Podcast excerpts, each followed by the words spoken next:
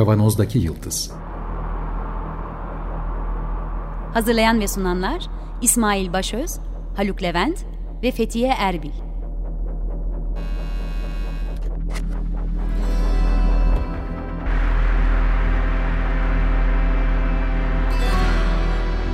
Bugünün penceresinden geleceğin ayak izleri. Merhabalar Açık Radyo'dayız. 95.0 Kavanoz'daki Yıldız programında sizlerle beraberiz. Geleceğin ayak izlerini sürmeye devam ediyoruz. Geçtiğimiz hafta tekrar Chat GPT'den daha doğrusu geniş dil modelli yapay zekalardan konuşmaya başlamıştık. Artık GPT 4'ü yayınlamış idi OpenAI ve bu haftada buna karşı artık etik eleştirilerin gelmeye başladığını ve bu konuda da açık mektup yazılıp imza toplandığını haberini aldık. Haluk burada. Merhaba. Ben İsmail. Geçtiğimiz haftaki programda bir miktar Chomsky'nin metninden de bahsetmiştik. Chomsky ve arkadaşlarının e, üç kişinin yazdığı bir metinden bahsetmiştik. Bugün biraz önce söylediğim gibi bir açık mektuptan bahsettik. Bin kişinin imzasıyla açılmıştı. Future of Life, Hayatın Geleceği isimli bir kar gütmeyen kuruluşun başlattığı bir mektup idi bu. Bu yapay zeka, dil temelli yapay zeka modellerinin kontrolünü e, talep eden bir mektup. Bir de bugün bahsedeceğimiz önemli bir metin de yine bu mektubun dayandığı e, Temmuz 2022 tarihinde adalet, hesap verebilirlik ve şeffaflık üzerine e, yapılan bir konferansta yayınlanan Bilgi İşlem Makineleri e, Derneği'nin Association for Computing Machinery e, Derneği'nin yaptığı bir konferansta tekrar e, söyleyeyim adalet, hesap verebilirlik ve şeffaflık üzerine ACM konferansında sunulan bir metin var. Biraz da bundan bahsedeceğiz. Bu metin dil modellerinin geliş getirdiği risklerin taksonomisi yani sınıflandırması üzerine. Bu üçünü harmanlayarak buradaki risklerden bahsedelim. Haluk hatırlarsın CRISPR gen düzenleme ile ilgili de böyle bir süreç yaşanmıştı. 2012'de Jennifer Doudna'nın ortaya koyduğu gen düzenleme yönteminden sonra 2015'te bir durma kararı aldılar. Yine aynı sebeplerden dolayı. Esasında halen var o durma kararı ama duran yok. Problem Benim ilgimi çeken öncelikle şunu söyleyeyim. Bayağı bir artık etik e, tartışmalar çok da yaygın. Belli ki bundan 50 sene önce yapılmayan, ihtiyaç duyulmayan etik tartışmaları daha fazla ihtiyaçla yayılıyor gibi geliyor bana. Sen ne dersin? E, tabii çünkü karşı karşıya olduğumuz riskler çok fazla. Yani e, bu etik tartışmalar var aslında. Var dikkat çekmiyor. Mesela bu bu CRISPR örneğini verdim. CRISPR'la ilgili ben biraz meraklıydım onun öncesinde de. Bu insan doğası diye bir kavramı diye bir şey var. Yani Marksistlerin çok Marx başta olmak üzere tabii itiraz ettiği bir kavramdı bu. Fakat sonra biraz içerik de anladığım kadar değişmeye başladı. Habermas'ın mesela çok ilginç bir kitap var. İnsan doğasının geleceği diye aslında tam bu CRISPR meselesi yani teknolojinin bu insan doğasını değiştirme kapasitesi üzerinden yola çıkarak e, bununla ilgili bir felsefi tartışma e, yürütüyor. Yani bu, bu tartışmalar hep vardı. E, bunun üzerine o tartışmaların nesnesi durumundaki meselelerde ciddi ve tehdit oluşturabilecek bir yanıyla bir yanıyla da e, cennete götürebilecek diyelim e, gelişmeler ortaya çıktığı için güncel ve gö görülür hale geliyorlar diyelim bunlar. Yoksa o tartışmalar hep yürüyordu, hep evet. vardı. Var. Ben yine de büyüdüğüne daha geniş bir alan kapsadığını düşünüyorum. E, bu da bence umut verici bir nokta.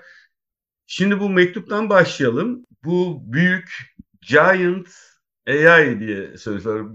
Dev e, yapay zeka deneylerinin duraklat başlığıyla yayınlanmış. Biraz önce söylediğim gibi bin imzayla başlamıştır. Bugün sabah baktığımda 1800 imzaya yaklaşık 1800 imzaya ulaşmış. Kimler veriyor bu imzayı, e, hangi kriterleri var bilmiyorum ama e, bir günde artan bir sayı var ortada. Şöyle başlayayım, Harari var. Yani çok ben evet. okumadım ama Sapiens'in yazarı Harari de var. Fakat sürpriz bir isimimiz daha var. Elon Musk. Evet o da Elon Musk da var. İlginç. O, o muhtemelen Altay'a ticari bir çıkar açısından Altay'a ihtiyacı vardır da o yüzden. Olabilir. Ama Elon Musk'ın imza atması e, bu mektubu çok fazla gündeme getirdi. Bir yandan da olumlu bir şey oldu tabii.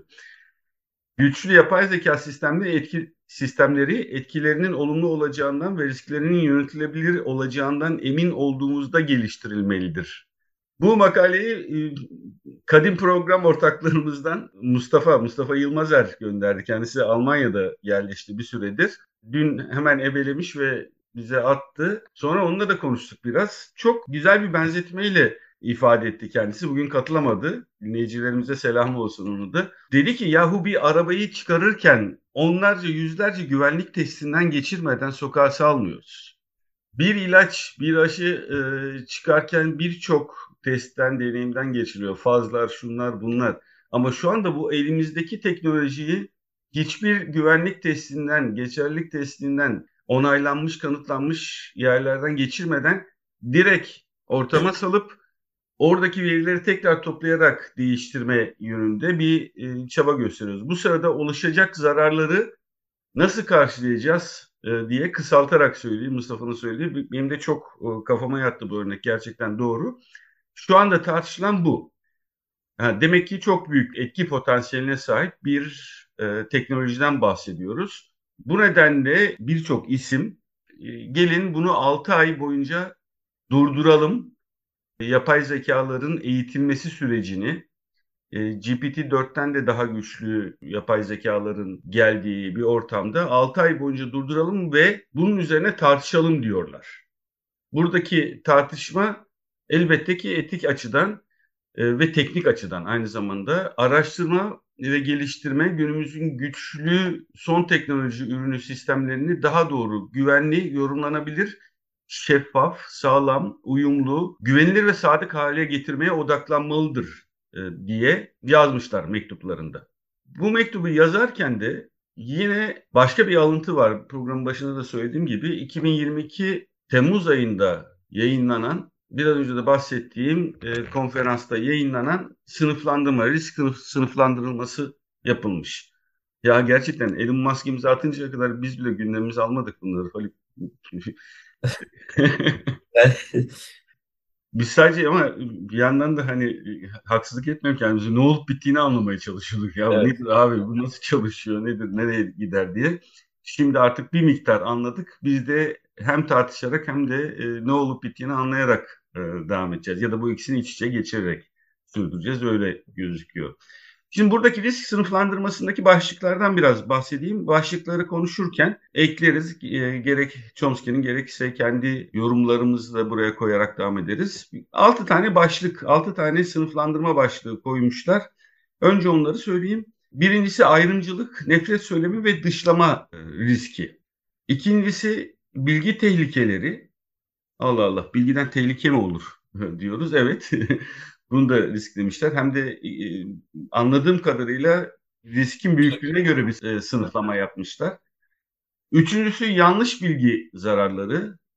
Kötü amaçlı kullanım. Herhalde kötü amaçlı kullanım buraya koyuyoruz. Beşincisi insan bilgisayar etkileşimi zararları. Altıncısı da çevresel ve sosyoekonomik zararlar olarak riskleri sınıflandırmışlar buradaki insanlar. 23 e, imzalı bir yayın bu da bir bildiri. Çok detaylandırmışlar her birinde. Elbette bu kadar detayından bahsetmeyeceğiz burada. Şimdi ilk başlığa gelelim. Ayrımcılık, nefret söylemi ve dışlama. Küçük bir alıntıyla devam edeyim. Marjinalleştirilmiş grupların aşağılayıcı temsilini veya haksız muamelesini sürdüren sosyal klişelere teşvik vermesi. Nefreti veya şiddeti kışkırtması, derin suçlara neden olması veya marjinalleştirmeyi dışlayan sosyal normları e, güçlendirmek gibi zarar verme risklerinden bahsediyor. Şimdi buranın altını bir açmak istiyorum. Şuradan yola çıkarak marjinalleşmeyi dışlayan sosyal normları güçlendirmek ya da ayrımcılığı yükselten, ayrımcılığı destekleyen dile destek vermesi. GPT ya da dil modelli yazılımlar, yapay zekalar hiçbir zaman bunu hedefleyerek yapmıyor. Çünkü e, ya da işte ben buradaki ayrımı hedef, e, hedefliyim ve buradaki ayrımı güçlüyüm. Dünyanın düz olduğunu propagandasını yapayım gibi evet. bir niyetle bunu yapmıyor. Bir hatırlatalım tekrar, e, biz de hatırlayalım. Nasıl çalışıyor dedik? Elinde milyonlarca, milyarlarca çok büyük verilerin olduğu bir data setinden, veri setinden olası paternleri, kelime ve cümle paternlerini seçip yan yana koyuyor. Ee, tekrar bir benzetmeyle girmek istiyorum. Mesela biz telefonumuzda mesaj yazarken otomatik düzeltme bizim sık kullandığımız kelimeleri bir sonrakine ekliyor. Buradaki paternimizi okuyor. Bu sadece benim telefonumla ilgili olabilir ama bin kişinin telefonunu izleyen bir yapı düşünelim. Aynı dille yazan ama aynı dille yazan bin kişinin telefonunu ve bu bin kişiden gelen veriyi bin kişinin hangi paternleri daha çok kullandığını görerek hemen bir sonraki cümleyi, kelimeyi verebiliyor. E, verebildiğini düşünelim. E, buradaki yapay zekanın. Doğal olarak da bu bin kişinin neyi daha çok kullandığı üzerinden bir cümle yapısına gidiyor arkasında bir düşünme, bir açıklama sistematiği yok. Pardon, Chomsky'nin yazısında e, yaptığı bir karşılaştırma var. O çok çarpıcı bir karşılaştırma. Senin bahsettiğin gibi e, bu yapay zeka masif bir bilgi yığını içerisinde mapping yaparak gidiyor. Yani nasıl, nasıl eşleştirmeyle gidiyor. Hı hı. Bu eşleştirmeler içerisinden de olasılık hesabıyla senin işte o tamamlama örneği çok güzel bir örnek zaten. E, ne kadar genişletirsen o kadar performansı yüksek olması imkan dahilinde ama mesela ben telefonlarda ilk kapattığım şeylerden bir tanesidir o özellik. Çünkü benim düşünme şeklimi ve yazı karakterimi herkesin olduğu gibi her zaman doğru kabul etmiyor. O büyük bir ortalamanın doğrultusunda en yüksek olasılık o olduğu için dolduruyor. Oysa somut durumun e, gerektirdiği kelime başka bir şey olabiliyor. Sen bir harfi yazdığında o tamamlıyor ya kelimeyi. Onu silip bu sefer tekrardan e, yapman gerekiyor. Bu tür bir problemle karşılaşma ihtimali var. Çünkü bu da zaten o mantığı gösteriyor. Oysa insan zihni diyor yani Chomsky e, son derece zarif bir çalışma metodu. Yani onu bir e, tırnak içinde ben çok karşıyım e, herhangi bir e, canlı şeyi bir makineyle karşılaştırmaya ama bir bilgisayar gibi düşünecek olursak son derece zarif bir tasarımı olduğundan bahsetmemiz e, mümkündür diyor. Çünkü çok az şaşırtıcı derecede az bilgiyle çıkarım yaparak evet. yani korelasyonları ya da istatistiksel e, teknikleri kullanan değil o tekniklere ihtiyaç duymadan açıklama yaratmayı önceleyen bir çalışma tarzı var. Dolayısıyla ikisi arasındaki temel fark bu. Yani e, birisinin çalışabilmesi için e, müthiş bir e, e, bilgi yığını ihtiyaç duyuyor. Bu bilgi yığını sınıflandırıyor, istatistiksel analizini yapıyor bilmem ne falan filan oradan bir algoritma neyse artık ona uygun bir sonuç elde ediyor. O bilgi yığını ne kadar genişlerse ve o bilgi yığını analiz etme gücü ne kadar büyürse e, bize şaşırtıcı gelecek derecede gerçekçi sonuçlar üretebiliyor. Biz de diyoruz ki aa zeki bu, aa düşünüyor bu ama değil. Evet yani bunun örneği aslında insanlarda da var. Çok da görüyoruz. Ee, televizyonlarda bile konuşuyorlar artık bu insanlar. Gerçekten duydukları bir takım cümleleri yan yana koyup mantıklıymış gibi gelen evet. e, bir takım açıklamalar yapıyorlar. Özellikle de insan sağlığı hakkında bunu yapmaktan imtina etmiyorlar gerçekten. Yani peş peşe koyduğunuz zaman mantıklıymış gibi e, gelen açıklamalar yapıyorlar.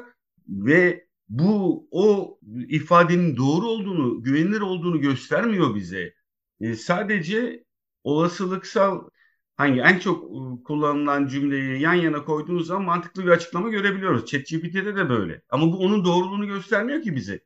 Bu ChatGPT'den önce daha önce burada konuştuğumuzu hatırlıyorum ben. Ben e, çünkü denemesini yaptığım için şimdi programın ismini unuttum ama matematikle ilgili bir şeydi. İsmini veriyorsun. Konu da vermiyorsun yani. İsmini veriyorsun. Bir tane matematik makalesi yazıyor sana. Senin de ismin var orada. Hatta senin önceki çalışmalarına, olmayan önceki çalışmalarına atıf yapmış. Ee, böyle şekil şartları şahane bilmem ne.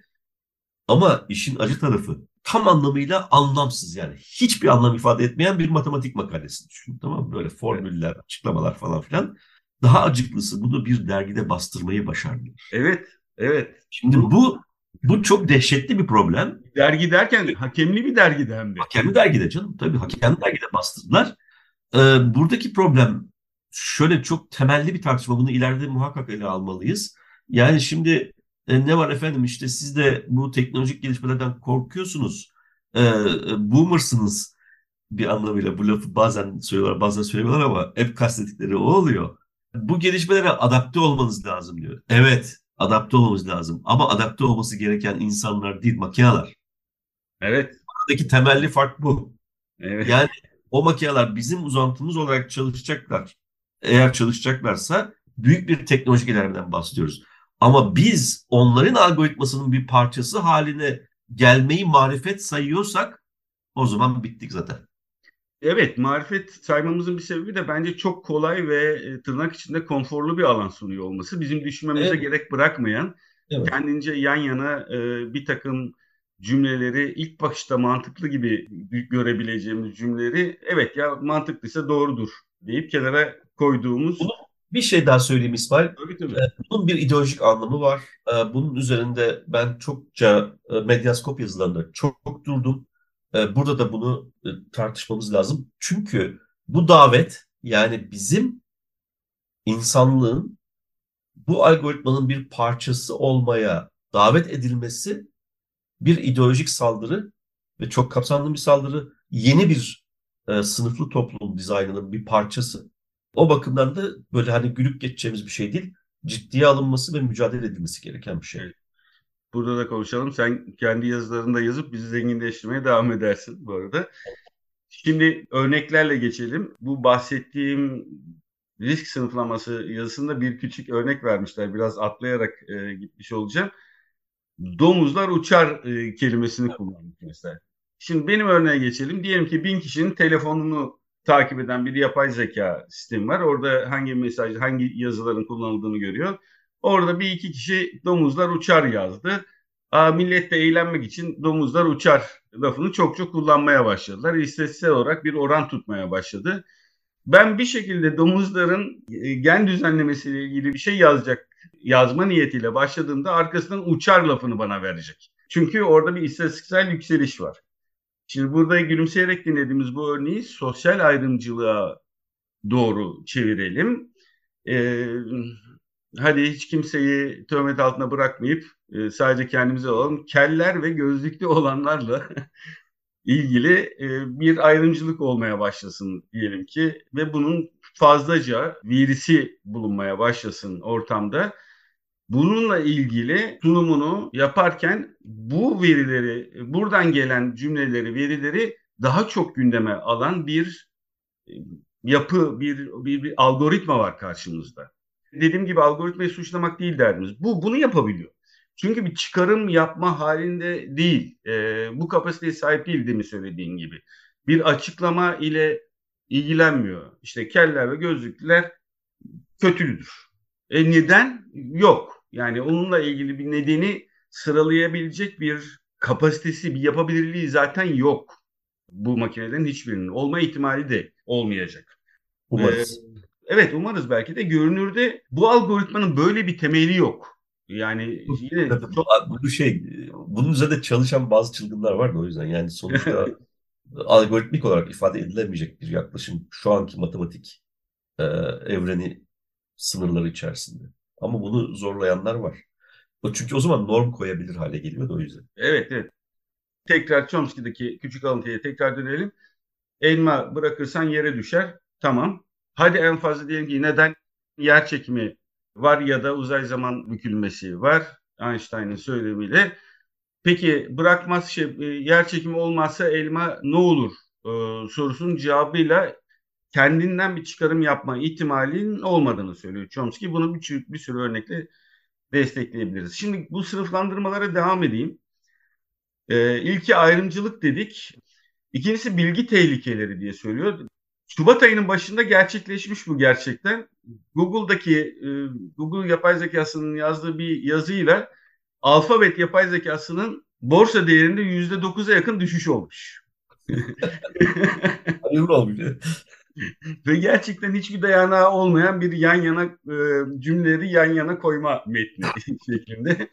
özel veya hassas bilgilerin yayılmasının zarara neden olabileceği söyleniyor. Bunun arkasında ticari sırların ifşa edilmesi bir işletmeye zarar verebilir. Sağlık teşhisinin bir sağlık teşhisinin ifşa edilmesi e, duygusal sıkıntılara neden olabilir. Özel bilgilerin ifşa edilmesi kişi olarak kişinin haklarını ihlal edebilir diye e, bilgi doğru olsa bile burada zararlar verebileceğini söylüyor. İkinci risk e, grubuna da bunu koymuşlar. Bu, bunu herhalde daha e, geniş kapsamlı bir kavramla şey yapacak olursak bilgi riski demek lazım. Yani o bilgi, bilgiden kaynaklanan risk. Evet, evet aslında bilgi... Pazar karşı, tam karşılıklı risk olarak oluyor burada. Evet. Üçüncüde bu sefer yanlış bilginin zararlarından bahsediyor. Ee, yine küçük bir onların yazdıklarına küçük bir alıntıyla devam edeyim. Bu makinelerden gelen yanlış bilgilerin altında yatan mekanizma diyorlar kısmen temel yapısına dayanıyor. Bu makineler ifadelerin olasılığını tahmin etmek için eğitiliyorlar. Biz önce detaylıca anlatmaya çalıştık. Yine de bir cümlenin olasılıklı, mantıklı olup olmaması cümlenin doğru olup olmadığını da güvenilir bir şekilde göstermez diye bu kısma eklemişler. Biraz önce açıklamaya çalıştığımız bir cümle daha eklemişler. Metin güncelliğini yitirmiş olabilir e, ya da bilgiler güncelliğini yitirmiş olabilir. Kurmaca bir takım eserler olabilir ya da kasıtlı de, dezenformasyon gibi durumlara dayalı olabilir. Bu makineler bunu ay- ayıramıyorlar henüz. Ayıramazlar diye not etmişler. Eğitim verileri yalnızca doğru ifadeleri içerse bile bu yanlış bilgiye karşı güvence vermez. Çünkü bu makineler ifadenin doğruluğunun güvenilir bir şekilde belirlenebileceği kalıpları içermez diye tekrar tekrar biz de vurgulamış olalım. Yine buradaki e, metinden alıntıyla. Şu alıntıyı da ekleyeyim. Dilin dil bilimsel olmayan bir bağlanma temellenmesinden yani bir dil bilimsel olmayan bir bağlamdan temel almasından yoksun olması doğası gereği bağlama o, bağlı olan bir ifadenin doğruluğunu belirleyemiyor. Evet bağlamdan bağımsız e, düşünüyor ama bağlam her şeydir aslında. Çünkü bir kelimenin anlamı bağlama göre farklılaşabilir. Bir çıkarımın anlamı bağlama göre farklılaşabilir. O, bu bağlam e, konteksti işin içerisine girmez ise o zaman e, papağan gibi tek bir algoritmik doğrultuda yolda yürüyen hı hı. o zaman da standart ana akım diye adlandırabileceğimiz ya da standart görüşü sürekli takip eden, sürekli onu üreten bir şey var. Yanlış yaptığını fark edemez.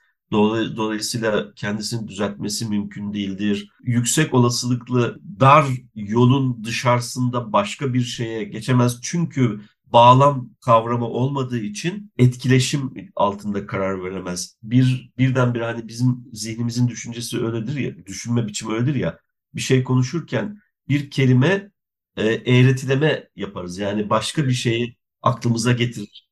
O aklımıza getirince oradan oraya sıçrarız. Oradaki oluşturulan çıkarımları ilgilendiğimiz temel konuyu çözme konusunda e, bir alet olarak kullanabiliriz. Bütün bunlar algoritmada söz konusu değil elbette. Evet, yine bunu da belirtiyorlar. Dilin dil bilimsel e, olmayan bir bağlama oturması yüzünden bu yeteneğinin olmadığını ifade ediyorlar. Yine bizim verdiğimiz tek bağlam yazdığımız sorduğumuz sorunun kelime diziliminden oluşan bağlam. GPT sadece bunu görüyor bağlam olarak. Yani evet. harfleri, o, kelimeleri sembol olarak bunu görüyor. Anlamsal bir bağlam semantik ihtimali evet, yok. Evet. evet, semantik bir değerlendirme yapma imkanı yok tabii. Aynen, semantik bir değerlendirmeyi kuramayacağı için bağlamı da bizim düşündüğümüz gibi kurmuyor. Kötü amaçlı kullanım diyor ki bunun birçok örneğini verebiliriz zaten. Çok fazlaca yayılan, e, algoritmayı etkileyebilecek derecede yükselmiş kötü amaçlı e, söylemleri gerçekmiş gibi sunup bunlarla bir ifade oluşturabilir. Ve yine insan bilgisayar etkileşim zararından bahsediyorlar. Beşinci olarak e, vaktimiz dolarken hemen son riske geçelim. Çevresel ve sosyoekonomik zararları ya da çevresel ve sosyoekonomik riskleri diye 6. sınıflandırma başlığı koyulmuş. Çevresel kaygılar büyük ölçekli modelleri eğitmek ve çalıştırmak için gereken büyük miktarda enerjiden kaynaklanmaktadır. Çok yüksek enerji harcaması gerekliliğinden bahsediyorlar. Ayrıca da sosyal olarak sosyal eşitsizlikleri artırma riskleri otomasyonun riski, otomasyonun riski ve faydalarının eşit olmayan dağılımından, yüksek kaliteli ve güvenli istihdam kaybından ve çevresel zarardan bahsediliyor bu süreçte ve bu sınıflandırma başlığı altında. Tüm bunların hepsi yine e, açık mektuba dönelim. Yahu oturup bir konuşalım. E, 6 ay demişler bana 6 ay ne kadar yeterli olur bilmiyorum. En azından bir 6 ay bu makinelerin bu dil modelli yapay zekaların eğitimini durduralım ve bu eğitim sürecinde bir takım kıstaslar, kriterler belirleyelim. Hatta olmazsa devletler düzeyinde moratorium yapalım diye bir talep gelmiş. Bu süreçte burada bitmeyecek öyle gözüküyor. Ben tabii bu 6 ayı anlamadım da yani 6 ayda bu acayip problemlere çözüm bulmanın imkanı yok. Ateşkes gibi düşünmek lazım. aynen. aynen. Anlaşma olursa diye. Yani ticari zararımızı da çok abartmayalım. Hani bir ortak bir yer bulalım e, gibi bir e, süre geldi bana da açıkçası 6 ay yani. Yine de hiç çoktan iyidir tabii. Evet. Uyan Kesinlikle. olursa. Peki. e, bu haftaki programımızı da böyle tamamlamış olduk. Bir şey daha söyleyeyim. Sevgili Güven Güzeldere'de açık bilinçte bunu tartışmaya başlayacak bir dosya hazırladığını söyledi geçen hafta. Bu salı değil ondan önceki salı. Hı hı. Ee, konuklarla falan çok kapsamlı bir dosya hazırlamakla meşgul anladığım kadarıyla. Ee, izleyicilerimiz orayı da takip etsinler. Oradan da eminim çok iyi bir tartışma çıkacaktır. Biz diğer önemli başlıklarımızda olduğumuz gibi aylar sonra neredeydik, nereye geldik sohbetini tekrar gireriz. Bir süre e, burada askıda bırakalım GPT e, sohbetlerini. Evet, bu programın size ulaşmasını sağlayan bütün Açık Radyo çalışan arkadaşlarımıza gönülden teşekkür ediyoruz. Program destekçimize çok teşekkür ediyoruz. Önümüzdeki haftalarda tekrar birlikte olmak üzere. Hoşçakalın. Hoşçakalın.